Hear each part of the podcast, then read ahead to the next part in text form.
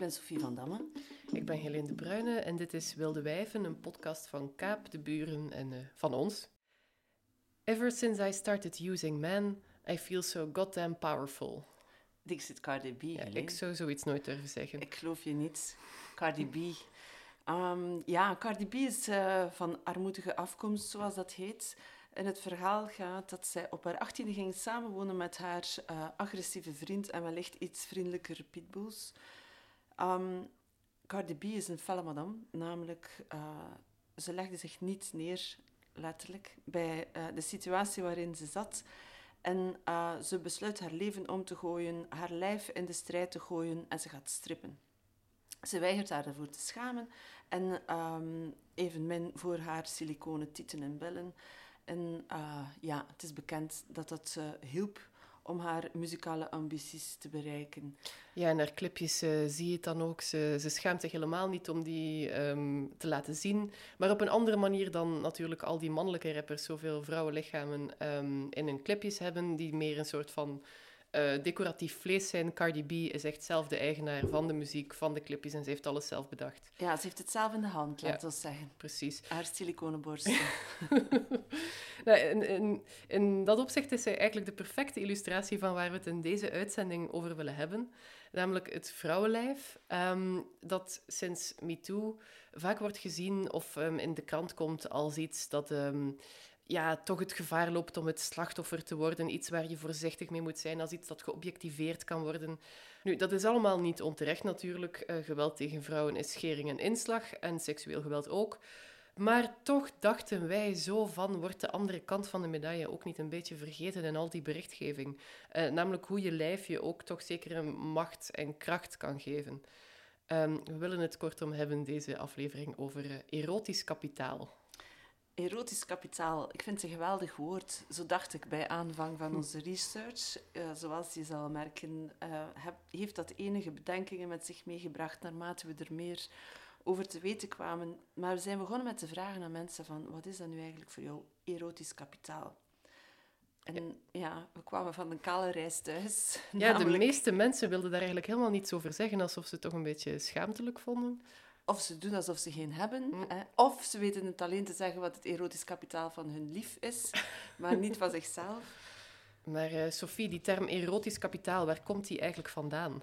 Ja, die is eigenlijk nog niet zo oud. Uh, een zekere uh, Catherine Hakim, sociologe, heeft in 2012 een boek uitgebracht, Honey Money, Honey Money, Why, Why Attractiveness is the Key to Success. Ja, de titel spreekt voor zich. Hè. Zij... Um, ja, zij formuleerde een theorie waarbij, ja, dat is bekend, hè, dat uh, mooiere vrouwen het makkelijker maken, meer verdienen, dat soort dingen. Maar uh, ze heeft daar dus grondig onderzoek naar gedaan en ook een theoretisch kader uitgewerkt. En daarvoor verwijst ze naar de oude, grijze, wijze man Pierre Bourdieu. Lang mijn favoriete socioloog geweest. Ja, dat is wel verwonderlijk. Blij dat Pierre... Je, je weet dat ik naar iedereen luister als hij iets interessants te zeggen heeft. Want, uh, ja, nog, nog misschien even herhalen. Wat, uh, wat waren Bourdieu's gedachten? Onder andere, als het ging over dat kapitaal, uh, en dat is wel een waardevolle gedachte, denk ik. Bourdieu vat heel mo mooi samen wat je nodig hebt om het te maken. Economisch kapitaal, wat je hebt. Menselijk kapitaal, wat je weet en sociaal kapitaal wie je kent. En die Hakim, uh, zij voegde daar dus aan toe erotisch kapitaal. Maar we eens even luisteren hoe ze het zelf uitlegt. It's a combination of physical and social attractiveness. So it's things like facial beauty, uh, a sexy body, uh, the ability to dress well, but also things like your skill in relating to people, being charming, being pleasant, good social manners, good social skills, and the ability to uh, dress appropriately for whatever social situation in. And I would also add, in a completely private context, um, sexual competence. En uh, dat is nu net de pointe van, van haar onderzoek, dat erotisch kapitaal, dat rendeert ook in economische termen. Uh, echt heel letterlijk. Hè? Volgens haar verdienen vrouwen die een erotisch kapitaal weten te benutten, maar liefst 10 tot 15 procent meer dan vrouwen die zich niet om een uiterlijk bekommeren. Um, en dat erotisch kapitaal zou zelfs meer in rekening worden gebracht dan intelligentie, zelfvertrouwen of afkomst. Uh, dus ja, het komt er eigenlijk bijna een beetje op neer dat volgens haar je uiterlijk belangrijker is dan je diploma. Ah, Helene, ja, Als vrouw dan toch? Ja, wel, dat is dus eh, mijn vraag. Dat is toch ook voor mannen? Je hebt van die mannen, ze komen de kamer binnen en ze vullen de kamer. En bij mannen wordt dat dan charisma genoemd. Dat klinkt ineens al beter, hè? Charisma. Charisma is veel eh, ja, aantrekkelijk. Ik zie dan wel ook eigenlijk een beetje een eh, grijzende ehm, man. Maar dat is omdat jij een clichébeeld van charisma hebt, waarschijnlijk. Ja, dat was misschien het vernieuwende van die Hakim. Ja. Namelijk, voor vrouwen gebruiken we erotisch kapitaal en voor mannen charisma. Dat is een onderzoek op zich waard. Nu, we gingen even te raden bij Thomas van der Meer. Ehm, hij is eh, schrijver en columnist en transgender. Eh, dat is in deze wel degelijk relevant, omdat hij debuteerde met Welkom bij de Club. Eh, een boek dat werd genomineerd voor de Libris Literatuurprijs. Eh, een boek over, eh, gebaseerd op zijn eigen ervaringen van zijn transitie. En hij maakte dus een transitie, transitie door van vrouw tot man. En zag wel inderdaad het een en ander veranderen in het gedrag van de mensen om hem heen. In de fietsenstalling op het station werkte een jongen die met me flirte en gratis mijn band plakte. Al vrij snel herkende hij me niet meer. Ik geloof niet dat hij in de gaten had dat ik geleidelijk in een jongen veranderde. Hij dacht gewoon dat ik iemand anders was. Voortaan moest ik betalen. Mensen vinden het heel belangrijk om te weten of iemand een man of een vrouw is, zei mijn psycholoog. Dat komt doordat iedereen continu met seks bezig is. Bij iedereen die je tegenkomt op straat vraag je je bewust of onbewust af of je die persoon kunt dekken of door hem gedekt kunt worden. Daarom heb jij een probleem, zei hij, want jouw genitale status is onduidelijk. Mensen weten niet of jij een penis hebt en zo ja, wat je er dan allemaal mee kunt. En mensen houden nu eenmaal niet van onduidelijkheid. Na dat verhaal moest ik denken aan mijn collega, die bijna gaat trouwen. Ze denkt aan alle mannen die ze misloopt nu ze het bed definitief alleen nog maar zal delen met haar eigen man. Dat moet op haar vrijgezellenfeest worden gecompenseerd. Ik wil van elk menselijk ras een stripper, zei ze. Ik wil een Indiaan, een Arabier, een Eskimo, een Neger en een Chinees. Chinees is geen ras, zei ik. Chinees is een etniciteit. Kan me niet schelen, zei ze. Ik wil een Chinees. Arabier is trouwens ook geen ras. Een Arabier is iemand die Arabisch spreekt. Daar gaat het niet om, zei ze. Ik vraag me af of de onduidelijkheid rond mijn genitale status mij ook onder een exotisch ras schaart en op die manier bijdraagt aan mijn erotisch kapitaal. Misschien zijn er mensen die op hun vrijgezellenfeest een transgender uit een taart laten springen, omdat ze in elk geval één keer in hun leven een transgender bepoteld willen hebben. Of je geopereerd bent is de meest gestelde vraag aan transgender mensen. Eigenlijk is dat een heel gekke vraag omdat je ermee naar iemands geslachtsdelen informeert. Als iemand vraagt of ik ben geopereerd, zeg ik: Je mag wel even kijken, maar dan moet je betalen. 500 euro, dan haakt iedereen af. En zo niet, ook prima. Dat is dan makkelijk verdiend. Je zou zeggen dat alle interesse in mijn geslachtsdelen een goede indicator is van de hoogte van mijn erotisch kapitaal, maar ik heb niet de indruk dat dit interesse is op een erotische manier, eerder op een kermisachtige manier. Ik ben er kortom nog niet helemaal uit of ik nu meer waard ben of juist minder. Helene, dat is geheel en al overeenkomstig de theorie van Hakim. Hè? Vrouwen hebben meer baat bij erotisch kapitaal. Ja, blijkbaar. Ze heeft daar een eh, hele uitleg voor in eh, nogal economische termen, vind ik. Het, eh, de reden daarvoor is volgens haar het male sex deficit. Een term waarmee ze bedoelt dat mannen meer seks willen dan vrouwen. Wat ik eigenlijk al een beetje een achterhaald cliché vind. Ook seksuologen Zo. hebben het al achterhaald. Maar bon, we, we citeren Hakim, dit is niet onze persoonlijke visie. Gelukkig. Ja, waardoor vrouwen dus meer macht hebben omdat zij een product aanbieden, zeg maar, dat eh, meer gevraagd is. En doordat ze dus die machtspositie bekleden, ehm, ja, wint hun erotisch kapitaal aan marktwaarde. Iets dat een slimme vrouw volgens Hakim maar beter ten volle kan uitbuiten. Ja, dat is echt wel het economische denken. hè. Mhm, mhm. Nochtans, Helene, ehm, dat erotiek en eh, economie samengaan en het, ja, het gegeven erotisch kapitaal, dat is zo oud als de mensheid is. Hè. Het oudste beroep ter wereld bijvoorbeeld, eh, sekswerkers. Eh, ja, dat geldt toch ook op die manier. Hè. Ja, Ehm, letterlijk eigenlijk. Hè? Letterlijk, ja. Dus je zet letterlijk je erotisch kapitaal om in reëel kapitaal. En als je dat eigenlijk bekijkt, vanuit die gedachtegang kan je eigenlijk zeggen dat sekswerk gewoon werk is. Ehm, en niet iets eh, raars en marginaals, eh, iets voor gevallen vrouwen, maar ehm, ja, dat is uiteindelijk een stigma waar sekswerkers nog steeds last van hebben. Hè. Eh, Dat, dat sekswerk, daar, sekswerk, het woord zegt het ook al, ehm, in plaats van prostitutie, sekswerk dus gewoon werk is. Uh, vindt ook Yvette Leurs. Die is pornograaf, mediamaker en activist. En we zullen even uh, naar hen luisteren. Sekswerk is werk. En we hebben allemaal een idee over um, nou ja, hoe, de, hoe de prostituee of de hoer... of nou, iemand die zijn geld verdient met seks, wat voor mens dat is. Ik denk dat we daar heel erg van af moeten. Sekswerkers zijn mensen die arbeid verrichten. En die zijn net zo divers als alle andere mensen die arbeid verrichten. De term sekswerk uh, gaat ook specifiek daarover. Over seks als werk. Niet als iets waar je geen nee tegen kan zeggen. Niet als iets wat uh, uh, onder verschrikkelijke omstandigheden tot je komt. Nee, het is een, een, een, een een baan waar je jezelf in kan specialiseren, waar je jezelf in kan ontwikkelen, waar je je geld mee kan verdienen, wat je een tijdje kan doen, wat je als lange carrièreoptie kan hebben, net als alle andere banen. Ja, daar kunnen het alleen maar mee eens zijn. Zeker als je dat bekijkt van nu op dit moment, één jaar na corona. Um, ja, blijkt dat sekswerkers het ontzettend moeilijk hebben nog steeds. En uh, Iedereen krijgt een vervangingsinkering enzovoort, maar sekswerkers die vallen uh, uit de boot wat dat betreft. Ja, dat is uh, bezwaarlijk eerlijk te noemen, want het is ook maar gewoon een contactberoep natuurlijk. Um, nu, als het over dat uh, erotisch kapitaal gaat en dat het al heel oud is, je zei het net al, sekswerk wordt het oudste beroep genoemd, denk ik dan ook meteen aan een paar bekende vrouwen uit de geschiedenis, weliswaar geen sekswerkers, maar toch ook relevant. Uh, Anna Bolijn bijvoorbeeld. Dat is uw favorietje, hè? Ja, zegt ze jou iets? Ja, dat is die van Hendrik de Achtste, dacht ik. Hè? Dus, uh... Het is weer typisch, hè? we gaan daar weer... Uh... Ja, eigenlijk ja. ja. Anna Bolijn, die van Hendrik de Achtste. Oh, ik had nooit leren, Helene. Um... Maar in deze is het natuurlijk wel relevant. Um, Henry VIII was die, die renaissancevorst met zijn enorme baard, die de Church of England afscheurde van de katholieke kerk van Rome, omdat hij wilde scheiden en um, hertrouwen met Anna Bolijn. Dus dat was zijn minnares waar hij mee wilde trouwen.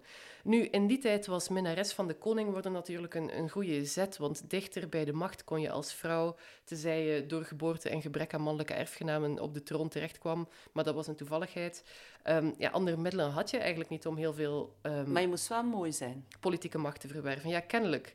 Um, en daar werd ook op neergekeken, hè? want uh, Anna Bolijn wordt in de geschiedenisboeken neergezet als een, een intrigante, een, een slettenbak, een uh, slang die zich naar het hart van de koning heeft geneukt. Maar niet alleen zijn hart, hè? ze wou macht volgens mij, nee? Goh, dat, is, dat valt te, betwijfelen, want dat is het narratief dat dus altijd... Over haar uh, verteld wordt. Maar um, er is een historica, Haley Nolan, die is andere bronnen gaan opgraven, want de meeste bronnen die zij had, waren bronnen van diplomaten, van hovelingen, die eigenlijk al haar slechtgezind waren in de eerste plaats. En, en, en zij merkt van, ja, die Anna Boleyn, wie was zij eigenlijk zelf? Kunnen we de stem van die vrouw nog opgraven? Nu blijkt dat de Boleyn zelf een heel vroom persoon was, dus de kans dat ze met de koning in bed lag voor er sprake was van een huwelijk is eigenlijk heel klein. Um, maar je weet het niet. Hè. Maar in ieder geval, um, Bolijn heeft ook de koning niet verleid. Het was omgekeerd. Hij heeft jaren achter haar aangezeten. Um, een paar heel opdringerige brieven, brieven geschreven zelf. Dus het verhaal is niet zo simpel als dat, dat, dat het vaak verteld wordt. En ja, het is ook slecht met haar geëindigd. Hè. Ja, ze werd ingeruild voor een andere minnares en ze eindigde op het schavot, zoiets. Ja, precies. Moest ze nog ingeruild worden, was het nog niet erg, maar ze is ook nog eens uh, vermoord uh, op straffen van samenzwering tegen de koning met haar minnaar. Dat was ook allemaal een verzinsel en een leugen. Um, nu, dus Boleyn werd dan uh, vermoord en Henry VIII nam lekker gewoon weer een andere vrouw. Hij heeft er veel genomen. Hè? Ja, precies. En die werden allemaal neergezet als intrigantes die graag in het centrum van de macht wilden terechtkomen. Maar wat ik niet begrijp, ze wisten toch dat ze gingen eindigen op het schavot. En wat had hij toch zo knap... Zijn erotisch kapitaal was nu toch niet, om te zeggen, zo fantastisch. Ja, dus dat, dat, dat geeft toch te denken over uh, het beeld van die minnaressen van de koning als allemaal types die hun, uh, die hun erotisch kapitaal slim hebben ingezet om hogerop te raken dan merk je van, oké, sommigen hebben dat misschien gedaan, maar het, is het een echte vorm van macht? Want uiteindelijk waren ze wel heel kwetsbaar en zijn ze doodgeëindigd. En de verhalen die over hen de ronde deden, waren allemaal negatief. Ik dus... denk dat, uh, mochten we de geschiedenis herschrijven vanuit het perspectief van vrouwen en veel meer uh, ego-documenten, zoals dat dan heet, of veel meer verhalen uh, van die vrouwen zelf kunnen achterhalen, dan zouden we toch een ander verhaal krijgen, Helene. Dat... Um, dat ja. toch, ja, heel dat verhaal van uh, dat je met schoonheid en uh, je erotisch kapitaal een uh, weg baant naar de macht, zou toch wel veel genuanceerder zijn. Ja, dat, dat denk ik ook. Ik denk bijvoorbeeld aan uh, een, een, vrouw die dan wel een verhaal heeft, achtergelaten. Um, geen ego-documenten, want het is niet eens zeker dat ze kon schrijven. Maar ze kon wel schilderen, heel goed zelfs. Um, ik heb het over Artemisia Gentileschi. Ah ja, die van uh, Susanna en de Ouderen. Ja, dat is een van haar bekendste. Het is ook prachtig. Google het maar, Susanna en de Ouderen van uh, Artemisia Gentileschi. Nu, um, die Susanna en die Ouderen, dat was in de baroktijd een heel populair thema in de schilderkunst. Uh, ja, het is een lang en ingewikkeld bijbelverhaal, maar het komt erop neer dat er een mooie jonge vrouw begluurd wordt door twee vieze grijsaards. En um, de vervolgens, vervolgens geven zij haar nog de schuld van het hele gebeuren en wordt zij daar bijna voor gestraft. Maar de rechtvaardige Daniel komt dan net op tijd. Tussen beide, um, zoek het op in de Bijbel als je de details wil weten.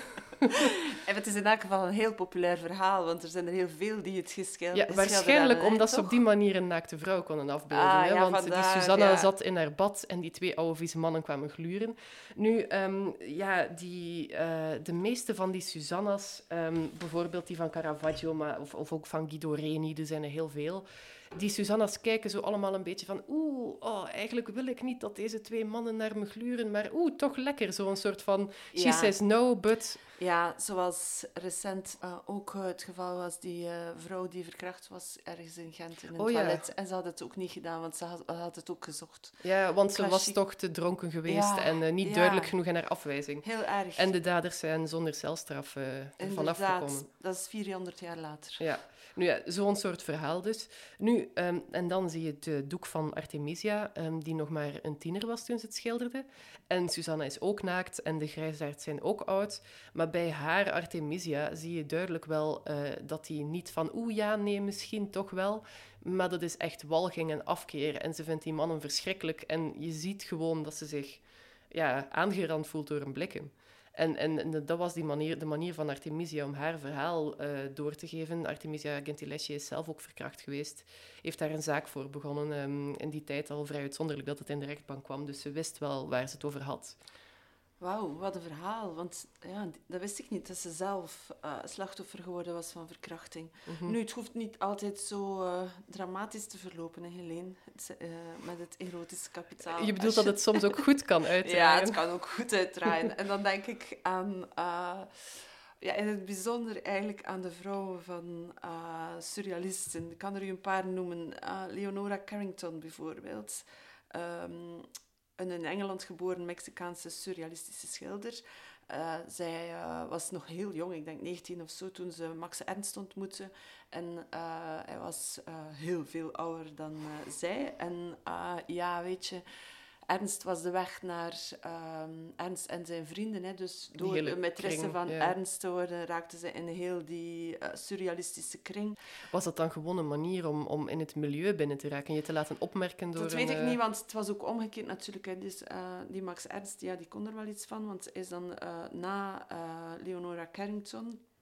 Uh, een vergelijkbaar verhaal met Dorothea Tanning. Hè. Ik kwam binnen op een uh, tentoonstelling van haar, zag daar een mooie buste Um, een schilderij, beter gezegd, met, uh, uh, van haar, zelfportret. En hij viel in zwijm. Is er dan wel mee getrouwd. En uh, zij heeft nog een lang en gelukkig leven geleefd, maar is veel jonger dan hem natuurlijk. Ik geloof dat ze 104 geworden is hm. en, en, hem dus um, 30 jaar overleefd heeft. Het is wel zo dat die um, surrealisten die hadden iets met uh, de vrouwtjes. In de zin van uh, ja, wat dat Breton noemde um, les femmes enfants. Hè. Uh, heeft er eentje uitgewerkt in zijn boek Nadia. Maar ook um, bij de kunstenaars in het algemeen heerste zo'n beetje het sfeertje van meisjes, veel jonger dus, hè, die, dat dat heel erotisch heel aantrekkelijk was uh, als muze. En als ze dan ook nog een klein beetje gestoord waren uh, uh, of psychische problemen hadden, zoals bijvoorbeeld Leo Leonora Carrington, dan waren ze nog interessanter. Hè? dat lijkt denigrerend natuurlijk. Um, maar ja, op die manier ze, kregen ze een plek, een niet echt benijdenswaardige plek, um, binnen dat surrealistische milieu. En wat er toch wel heel fel is, als die, mannen, als die vrouwen zich van die mannen ontdaan hebben... Hoe ging het dan met een carrière? Dan, hebben ze, dan zijn ze eigenlijk allemaal toch tot uh, hele goede kunstenaars. Uh, dan, daarna zijn ze wel een eigen... Ja, en bijvoorbeeld Leonora Carrington heeft een dus achteraf, hè, als ze al in de 70 was, in Mexico is ze, ze is toen in Mexico gaan wonen uh, na de affaire met Ernst. En uh, ja, zij is een uh, feministische voorvechtster geworden, dus het kan verkeerd. Je zou verminderen met zo'n voorgeschiedenis natuurlijk. Het doet mij een beetje denken aan de, de Manic Pixie Dream Girl. Um, het, uh, ik weet niet of je dat bekend is, maar dat is zo in vele indie-films uit de, jaren, de, de, de vroege jaren 2000 tot nu eigenlijk, wordt het hoofdpersonage, de man, dan verliefd op zo'n ongrijpbaar vrouwtje, uh, klein, kinderlijk en een beetje gek, maar op een leuke manier, die hem dan moet verlossen van al zijn existentiële kwalen. Ja, dat is wel een mooie eigenlijk. Dus ja, dat is ook, het zit ook ergens een redderscomplex in, ja. hè? En dat... Uh, uh, femme enfant... Um, ja, dat is eigenlijk een, je kunt daar een aflevering op zich over. Ik zal het onthouden. Van de femme enfant tot de manic pixie dream girl. Ah, absoluut. Nu, nu, ja, het is, ja, het is alweer dubbel, hè, want uh, die, die, die vrouwen die je nu aanhaalt, hebben dan door zich in die kringen te neuken, of um, ik moest oppassen met het woord ja, neuken. Ja, ik dat niet zeggen. Ja, door zich in die kringen binnen te werken, te laten opmerken door een schoonheid. Ja. Maar dus door hun erotisch kapitaal in te zetten... Voilà, dat is de term. Dat is de term.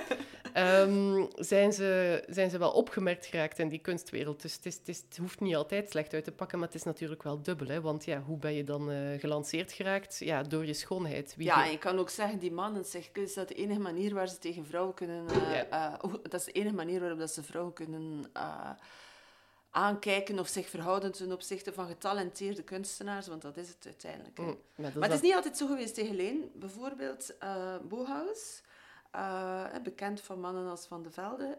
Um, daar ging het enigszins anders. stroming, uh, school. Ja, inderdaad. In de jaren 20, 30. Inderdaad. En de oprichter, de Duitse architect Walter Grobius, die had het onwaarschijnlijk beter voor met vrouwen. In zijn statuten um, van zijn uh, kunstacademie uh, had hij eigenlijk opgenomen dat elke persoon met een goede reputatie, ongeacht leeftijd of geslacht en wiens opleiding uh, geschikt was, dat die allemaal toegelaten moest worden, zolang er voldoende plaats was. Maar wat gebeurde?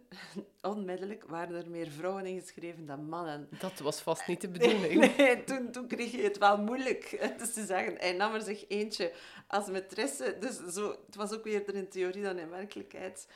Um, en wat er vooral gebeurde, en dat is eigenlijk heel erg, hè, want dus die vrouwen die kwamen massaal naar Bauhaus, die waren goed, heel goed, Um, maar die werden toch ergens afgeserveerd, niet aan de afdeling uh, architectuur, maar bij voorkeur textiel en andere softe uh, afdelingen. Toch terug weer aan het naaimachine, bij wijze van spreken.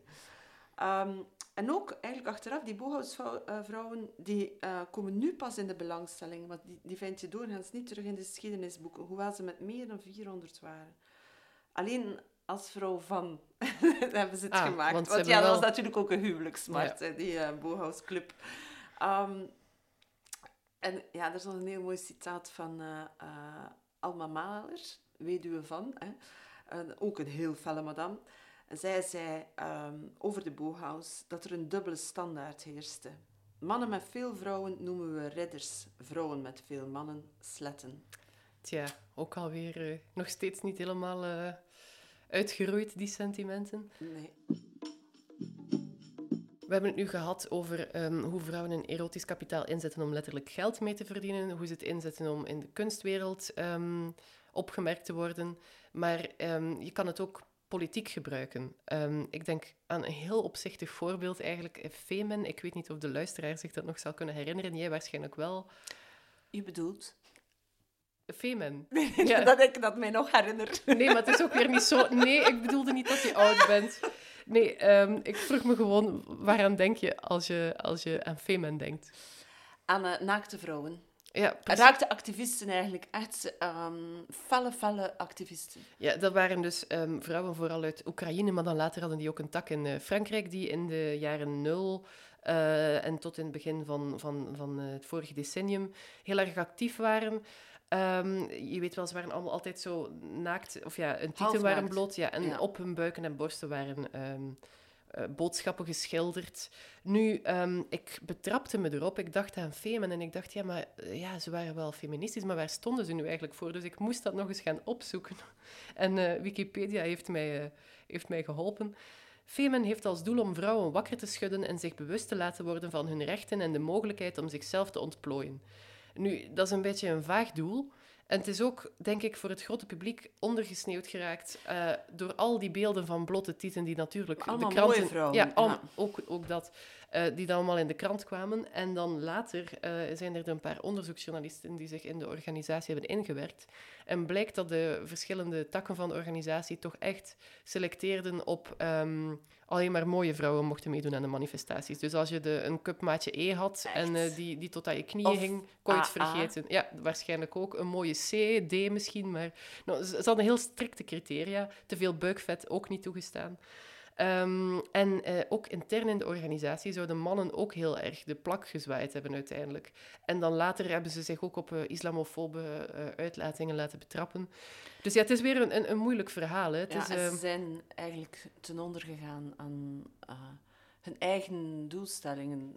Ja, precies. Ze hebben heel veel aandacht gekregen door een erotisch kapitaal in te zetten, maar die aandacht heeft dan weer alles anders onder, ondergesneeuwd. Ja. En ze waren heel erg gefocust op één soort lijf dat dan die boodschap ja, het, kon uitdragen. Het doel uh, heiligt de middelen, maar de middelen moeten wel uh, in verhouding staan ja. tot het doel. Zoiets eigenlijk. Maar alweer een, een, een dubbel verhaal.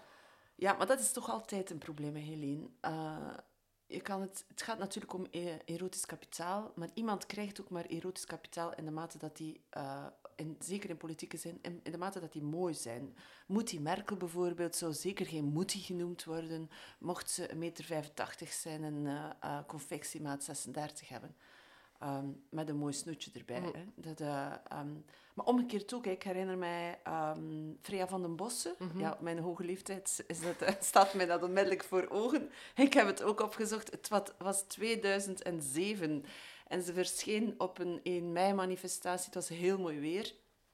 Uh, en ze verscheen kort gerokt in een rood jurkje met witte biesjes, als ik me goed herinner. Echt super sexy. Uh, haar kinderen waren ook mee en zo. Dus, um, maar ze verscheen echt niet als uh, moeder van een groot gezin, maar als een pikante, frisse um, politica. En dat werd haar echt niet in dank Of gewoon als een vrouw die een zomerjurk aantrekt omdat het warm was. Ja, en blij is dat lente is. Mm. Weet je, dat, uh, uh, maar ja, ze was toen minister van Begroting. En, uh, dat, dat paste niet. dat paste nee. niet. Nee, nee, nee. Dat was te kort gerokt. Nu, Zohaldemir had hetzelfde voor, maar dan enigszins nog meer, ge allee, meer geanceneerd. Hè. dat was ook al veel later. Hè. Dat was ja, in 2015. Ja. Bijna tien jaar later. Inderdaad dat was een van de laatste nummers zeker. Hoe heette dat mannenblad weer? P-magazine. Ah ja, ik dacht Panorama, maar dat is nee, al nee, de P-magazine, ja. ja. En dus, wat was het? Ze zat in het, in het parlement of zo, hè? Ja, maar dat, ik heb die foto's nog eens opgezocht uh, in, in, de voorbereiding naar deze podcast. En ze draagt eigenlijk gewoon kleren, hoor. Ze zijn misschien wel een beetje nauwsluitend en er is sprake van een decolleté, maar uh, Zoehal zit gewoon mooi opgemaakt in het parlement in, in enigszins flamboyante jurken en echt, het kot was te klein. Ja, maar er waren er ook um, die tussen 2007 en 2015 het uh, uh, parlement mochten verlaten wegens uh, te korte shorts, denk ik. En dat soort verhalen. Dus het is echt iets dat allemaal Ja, en zelfs nu nog um, Alexandra Ocasio-Cortez um, in de Verenigde Staten, member of Congress, die draagt graag rode lippenstift. En uh, ze geeft dan ook zo tutorials op haar Instagram, want die is heel goed met het bereiken van jongere mensen via de sociale media, over welke lipstift ze gebruikt, als een soort grap. Maar uh, de kritiek is ook echt, uh, dan zou ze te oppervlakkig zijn voor iemand van linkse signatuur en zo. Ah, ja, ja, ja, ja, um, ja. Of dan Kamala Harris onlangs, hè. Uh, dan dacht ik echt van, ja, die is dan niet bezig met haar uiterlijk. Die draagt altijd een soort neutrale zwarte pakken met een witte blouse. Kreeg ze nog kritiek omdat het van de verkeerde ontwerper was. Want het was van Ah. Dolce en Gabbana. En die hebben kennelijk een paar racistische dingen gezegd. Maar ik denk, dat, uh, ik denk eerlijk gezegd dat Kamala um, niet naar het etiketje heeft gekeken. En... Ja, vrouwen worden ook bij politica toch uh, ja, zwaar bekritiseerd. Of scherp in het oog gehouden uh, omtrent hun En het is ook nooit goed, hè? Want nee, Moetie Merkel goed. is te, en, en, en Hillary Clinton en, en uh, Kamala Harris zijn niet sexy genoeg. Als ze dan wel eens zogenaamd sexy zijn, dan zijn ze niet ernstig genoeg. Ja, of wat er ook gebeurt, is dat de politica zelf het gebruikt. En uh, Femke Halsema bijvoorbeeld, die schrijft in haar biografie dat de krant De Telegraaf met opzet altijd um, foto's publiceert van haar waar ze bijzonder onvoordelig op staat. dus ja, het kan ook zo gemanipuleerd worden hè? of geïnterpreteerd. Ehm, ja. Maar dat heeft wel een effect, hè? Die, uh, die constante kritiek op uh, het uiterlijk van vrouwelijke politici. Bij mannen zie je dat trouwens toch echt veel minder, uh, heb ik de indruk. Ik kan het me niet herinneren, behalve Connors schoenen bij de koning. Conor Rousseau. Conor Rousseau, inderdaad. Ja, die kwam op zijn basketsloefjes bij de koning. Ja, ja, En die kreeg daar kritiek op. Die kreeg daar kritiek ik vond, op, ik, had, ik nam vooral aanstoot aan de iets te korte broek, maar dat is een persoonlijke smaakkwestie. Maar dat is de enige die volgens mij... Ja ja, voor de rest een, een commentaar op welke snit van welk pak um, wie dan ook draagt, nog nooit gelezen. Nu ja, enfin, um, dit alles lijkt misschien een beetje gezeik in de marge, maar het lijkt er toch ook wel op dat dat wel degelijk effect heeft op hoe die vrouwen in de politiek hun werk kunnen uh, uitoefenen. Heel recent kwam er in de Groene Amsterdammer um, een, verscheen er een artikel waarin, waarin gezegd werd dat 10% van alle tweets gericht aan Nederlandse vrouwelijke politici haat of agressie bevatten.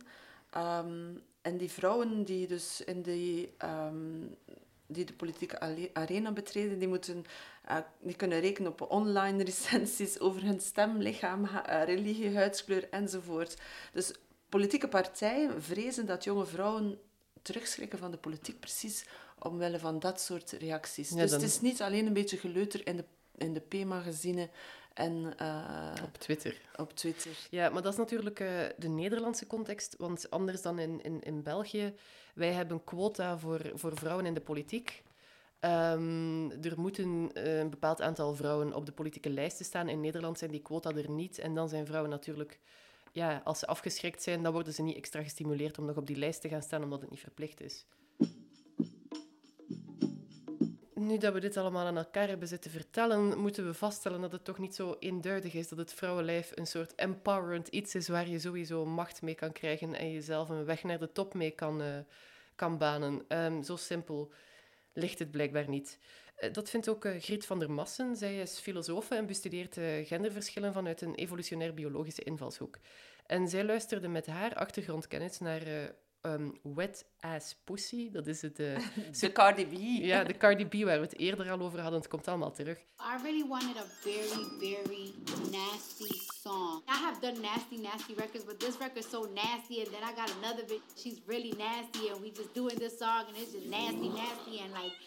Nasty. Um, dat is een nummer waarin Cardi B uh, heel expliciet zingt over haar eigen seksualiteit. Uh, wat je zou kunnen beschouwen als een feministisch statement, maar Griet van der Massen zag er toch ook alweer een, een, een dubbele boodschap in. Is Web van Cardi B feministisch? Enerzijds wel, denk ik. Vrouwen zijn hier geen passieve seksobjecten en dat is in clips van mannelijke hip-hop artiesten nogal anders. Ze eisen het recht op seksueel plezier op. Veel vrouwen durven dat vandaag nog altijd te weinig, dus dit kan zeker bevrijdend werken voor vrouwen. Anderzijds heb ik ook bedenkingen. De seksualiteit van Cardi B is gewoon een uitvergroting van de mannelijke seksualiteit, namelijk agressief en zonder enige nood aan emotionele connectie. Dat vind ik al een stuk minder feministisch, want de boodschap is dat bevrijding erop neerkomt dat we mannen moeten nabootsen, de man blijft standaard, terwijl we weten dat mannen en vrouwen seksueel toch wat anders in elkaar zitten. Om van seks te genieten hebben veel vrouwen effectief een context nodig van intimiteit en emotionele betrokkenheid. Daar is helemaal niks mis mee. En een echt feministisch project brengt die vrouwelijke eigenheid mee in kaart, volgens mij. Maar er is meer dan dat. Het nummer stelt de man niet alleen voor als een gedienstige verstrekker van orale en andere seks, maar ook als een verstrekker van geld. Zijn creditkaart is even belangrijk als het formaat van zijn penis. Vraag om een auto terwijl je hem bereidt, horen we. Maar als je seks gebruikt om materiële middelen in de wacht te slepen, wordt de grens met prostitutie wel heel dun. Zo feministisch lijkt me dat niet. Die aansporing van Cardi B zet trouwens ironisch genoeg het verschil in seksualiteit tussen beide seksen in de kijker. Als vrouw kan je munt slaan uit je seksualiteit. Veel meer mannen dan vrouwen voelen zich aangesproken door het idee van losse, onpersoonlijke seks, Dus heb jij iets waarvoor mannen, of althans sommige mannen, bereid zijn om te betalen. Jouw seksualiteit geeft je macht als vrouw. Zo kan je helaas ook tot slachtoffer maken als mannen met geweld nemen wat jij niet wil geven. Het is een tweesnijdend zwaard. Ja, nu we er zo de hele tijd over bezig zijn, Sofie, word ik toch een beetje depressief van dit hele erotische kapitaal onderwerp. Ik weet het, Helene. Ehm, ja, we zijn hier nu al een paar weken door dat erotisch kapitaal aan het ploeteren. En eh, ja, of je nu... Het is in elk geval niet eerlijk. Hè. Naar vrouwen toe die minder erotisch kapitaal hebben, maar ook die mannen dan. Hè. En dan die vrouwen met erotisch kapitaal. Ja, want die denken altijd van, uh, ben ik nu zo hoog geraakt in mijn beroep omdat ik mooi ben of omdat ik slim ben? Ook dat. Of anderen denken van, ja, het is omdat ze zo schoon is, zo schoon is dat ze op, die, uh, op mm. dat postje zit. Uh, en wat dan met uh, diegenen die eigenlijk gewoon niet schoon zijn, maar zich volgens de normen laten ombouwen, ombouwen botoxen en andere um, chirurgische trucjes. Nog los van het feit dat, de, dat de um, Hakim in haar hele theorie van erotisch kapitaal zich helemaal geen vragen stelt bij wat vinden we nu mooi, wat is schoonheid bij een vrouw en uh, hoe nauw is dat schoonheidsideaal eigenlijk? Nee, het enige waar ze op focust, wat wel interessant is, denk ik, is dat ze zegt van ja, dat is nu veel belangrijker dan vroeger, omdat we dus nu veel meer in een visuele cultuur leven dan vroeger. Mm -hmm. Dus uh, uh, we zien ook, als je bijvoorbeeld op Facebook iets post en er zit geen foto bij, oh, wat het mij doet dan denken, we moeten straks nog een foto nemen, anders bestaan we niet. Met of zonder erotisch kapitaal. ja, je moet dus eigenlijk altijd alles visualiseren, dus ook jezelf, mm -hmm. om er te zijn. Hè. Dus vroeger was het, ik, Descartes zei, ik denk dus ik ben, maar ja, nu moet je niet alleen denken, maar ook een beeldje hebben. En dan is het inderdaad ook maar de vraag uh, wat met intellectueel kapitaal, Helene? Die vraag mm. heb ik mij ook gesteld. Je kunt toch ook bijzonder slim zijn en door je slim bent... Uh, sexy zijn. Sexy zijn, inderdaad. Wat is er zo tof als een keer een goed gesprek kan gaan over een onderwerp waarin dat je voelt dat je ja, kunt gaan. Maar dat is denk ik misschien het probleem, dat erotisch kapitaal wel een heel, in de theorie van Hakim dan wel een heel nauw beeld heeft van wat dan sexy is. Want wat ziet zij zich voor zich is dan een traditioneel aantrekkelijke vrouw. Je zou ook kunnen pleiten voor, voor een samenleving waarin het uiterlijk uh, misschien minder belangrijk is, maar in ieder geval dat de normen van wat aantrekkelijk is niet zo strikt zijn en dat er een representatie is van meer diverse lichamen. Nu, um, maar we leven helaas niet in die utopie. Um, dus tot die tijd is het erotisch kapitaal misschien wel een handig verklaringsmodel voor allerlei gedrag. Het is ook een, een, een, eh, een, relevant begrip in een neoliberale samenleving. Mm. Helene, alles is maakbaar, alles is beheersbaar. Dus ook hoe je je in de markt zet, dat doe je met uh, je lijf. En je lijf wordt eigenlijk gereduceerd als middel. Mm -hmm. dat, um, dat, is problematisch aan dat erotisch kapitaal. Gelukkig maar dat er niet veel mensen zich geroepig voelden om voor onze podcast hun erotisch kapitaal te gaan verduidelijken. Nu, maar aan de andere kant denk ik dat mensen uh, zich er ook voor schamen als ze het eventueel gebruikt hebben, dat dat uh, samenhangt met iets dat in onze westerse cultuur al heel oud is. Dat is de scheiding tussen lichaam en geest. Um, ja, die, die, die al zo lang erin gestampt is door, uh, door, de, door de kerkelijke leer. Dat het uh, lichamelijke zondig is en iets waar je voor hoort te schamen. En het geestelijke is hoger. Terwijl mochten we op een andere manier naar het lichamelijke kijken, zouden we daar misschien allemaal net iets minder gecompliceerd mee omgaan. Ik weet het niet. Voor wie dit allemaal te deprimerend en te deterministisch vindt, um, is er dan echt geen uitweg uit een wereld waarin je wordt beoordeeld op je erotisch kapitaal. Um, auteur Rashida Lamrabet merkte op dat uh, sommige moslimvrouwen die zich sluieren um, vanuit een religie net een poging doen door daaraan te ontsnappen en op die manier de macht over hun eigen lichaam terug te nemen, door het deels of helemaal te gaan bedekken en, en zich dan zo echt uit het hele spel terug te trekken en zich dan meer op zichzelf en een relatie met God te focussen.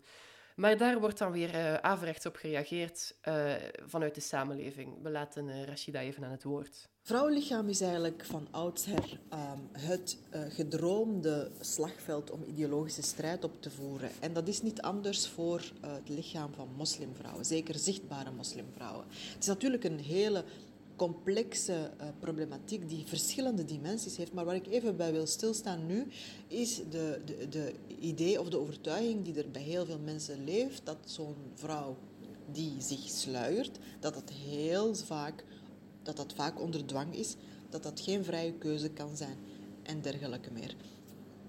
Uh, dus men gaat ervan uit dat moslims geen individuen zijn die individuele keuzes kunnen maken in alle vrijheid. En dan komt er natuurlijk een heel mechanisme in gang om die vrouw dan te gaan bevrijden, om die vrouw te gaan emanciperen. Er worden zelfs wetten gemaakt om, uh, het of het, het, het, om kledingsvoorschriften op te leggen, zoals, zoals men doet in, in conservatieve en uh, reactionaire uh, regimes, zoals in Iran of Saudi-Arabië. Gaat men kledingvoorschriften om die opleggen om die vrouwen inderdaad te gaan bevrijden. En zo doe je dan eigenlijk het tegenovergestelde van wat je beoogt. In plaats van die vrouwen te bevrijden en uh, te emanciperen, onderdruk je ze, want je ontneemt hen de autonomie over hun eigen lichaam. Helene, volgens mij is het probleem echt wel gelegen in, dat, in die combi van erotisch kapitaal. En dan... Je bedoelt de combi van erotiek en, en kapitaal. kapitaal ja. dat is echt een contradictie in terminis. Mm.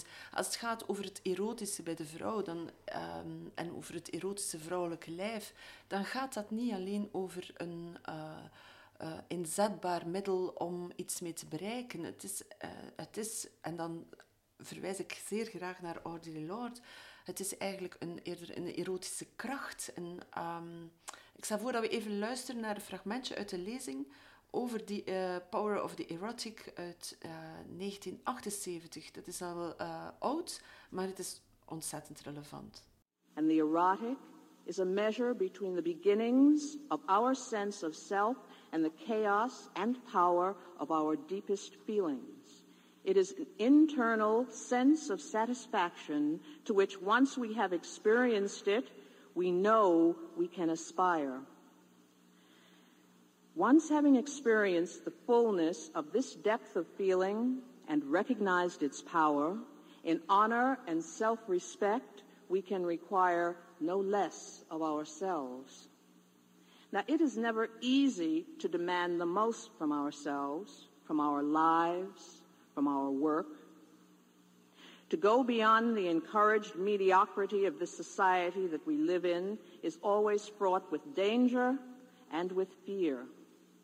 And the function of the erotic is to encourage excellence.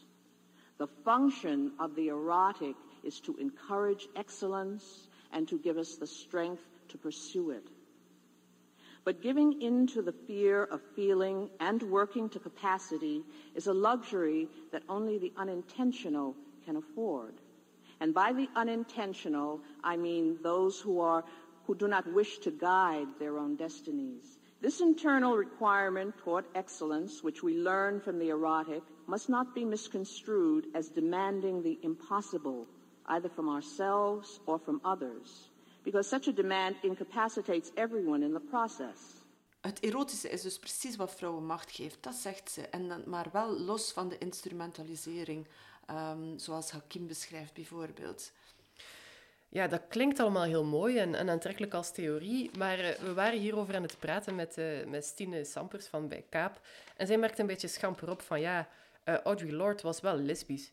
Ze moest zich niet verhouden tot alles wat ingewikkeld is aan de hetero-relatie, alles wat er al uh, eeuwen, millennia ingesleten is in de, in de, verhoudingen tussen mannen en vrouwen en, en alle clichés daar rond, omdat ze zich net niet tot mannen moest verhouden um, op erotisch vlak. Ja, dat kan. Dat kan. Ergens uh, begrijp ik dat wel. Maar ik denk dat er ook vrouwen zijn die dat erotische precies op een andere manier bekijken, zonder dat in verhouding ten opzichte van de mannen te plaatsen. En denk ik bijvoorbeeld aan een uh, Pipi Lottarist, een uh, hedendaagse kunstenares, uh, die in 1992 bekend werd met de video Pikkelporno, waarin ze seks op een vrouwelijke, intuïtieve manier verbeeldt. Dus seks, maar eigenlijk zou je kunnen, dus het erotische dus. Hè. En ze doet dat door op de, op, het, op de lijven die ze filmt um, cameraatjes te zetten. En je ziet eigenlijk een uh, soort uh, compilatie van die uh, lichamen die bewegen. Maar je zou bijna kunnen zeggen van binnenuit gezien. Mm. Um, tja.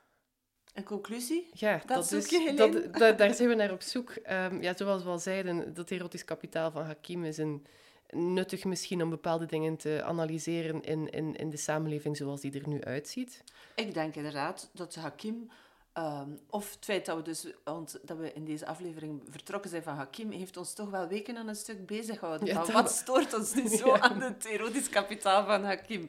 Ja, ik heb prompt al geen zin meer om mijn eigen erotisch kapitaal te gebruiken, want ik heb niet het gevoel dat het een, een werkelijke macht geeft of dat het werkelijk bevrijdend is. Dat denk ik ook niet. Het is zeker niet bevrijdend. Het is een, eh, zolang je het in een eh, kapitalistisch systeem plaatst, is het inderdaad niet meer en niet minder dan een kapitaal. En echt veel genot heb je toch niet aan een kapitaal, Helene? Ik pleit voor een eerherstel van het erotische. In maar de echte zin van het woord. En het nutteloze misschien. En het nutteloos, ja, nutteloos. Als een kracht van lijf en ziel, dat bedoel ik. Ik pleit voor een, eh, het opheffen van het taboe op het erotische. En op die manier de kracht van het lijf herstellen. Zolang je natuurlijk economiseert, maakbaar maakt en inzetbaar, dan heb je het niet over het erotische, maar dan heb je het alleen over kapitaal binnen een neoliberale vorm van denken. En dat ontdoet het erotische van zijn schoonheid, maar volgens mij ook van zijn werkelijke kracht. Hm, ja, heel maar er mooi. is nog heel veel werk aan. Ja, de ik denk dat we dat eigenlijk deels mee kunnen bereiken door ehm, betere porno te maken. Eh, er is al heel veel goede porno. Ehm, ik denk niet aan de mainstream porno zoals op Pornhub of zo, maar er is al heel veel goede queer porno en zo, die er echt wel in slaagt om een andere verbeelding van seksualiteit te laten zien. Een hele diversiteit aan lichamen, man, vrouw, alles daartussenin, en van, van seksuele voorkeuren. Een diversiteit van, van hoe lijven eruit zien en wat aantrekkelijk kan zijn. Ik denk dat dat wel tot de verbeelding spreekt. Een soort pikkelporno dus. Ja, eigenlijk wel, maar dan voor een, een breder publiek. Ja. Misschien moet, de- moet de VRT dat dan maar eens gaan uitzenden. Goed plan.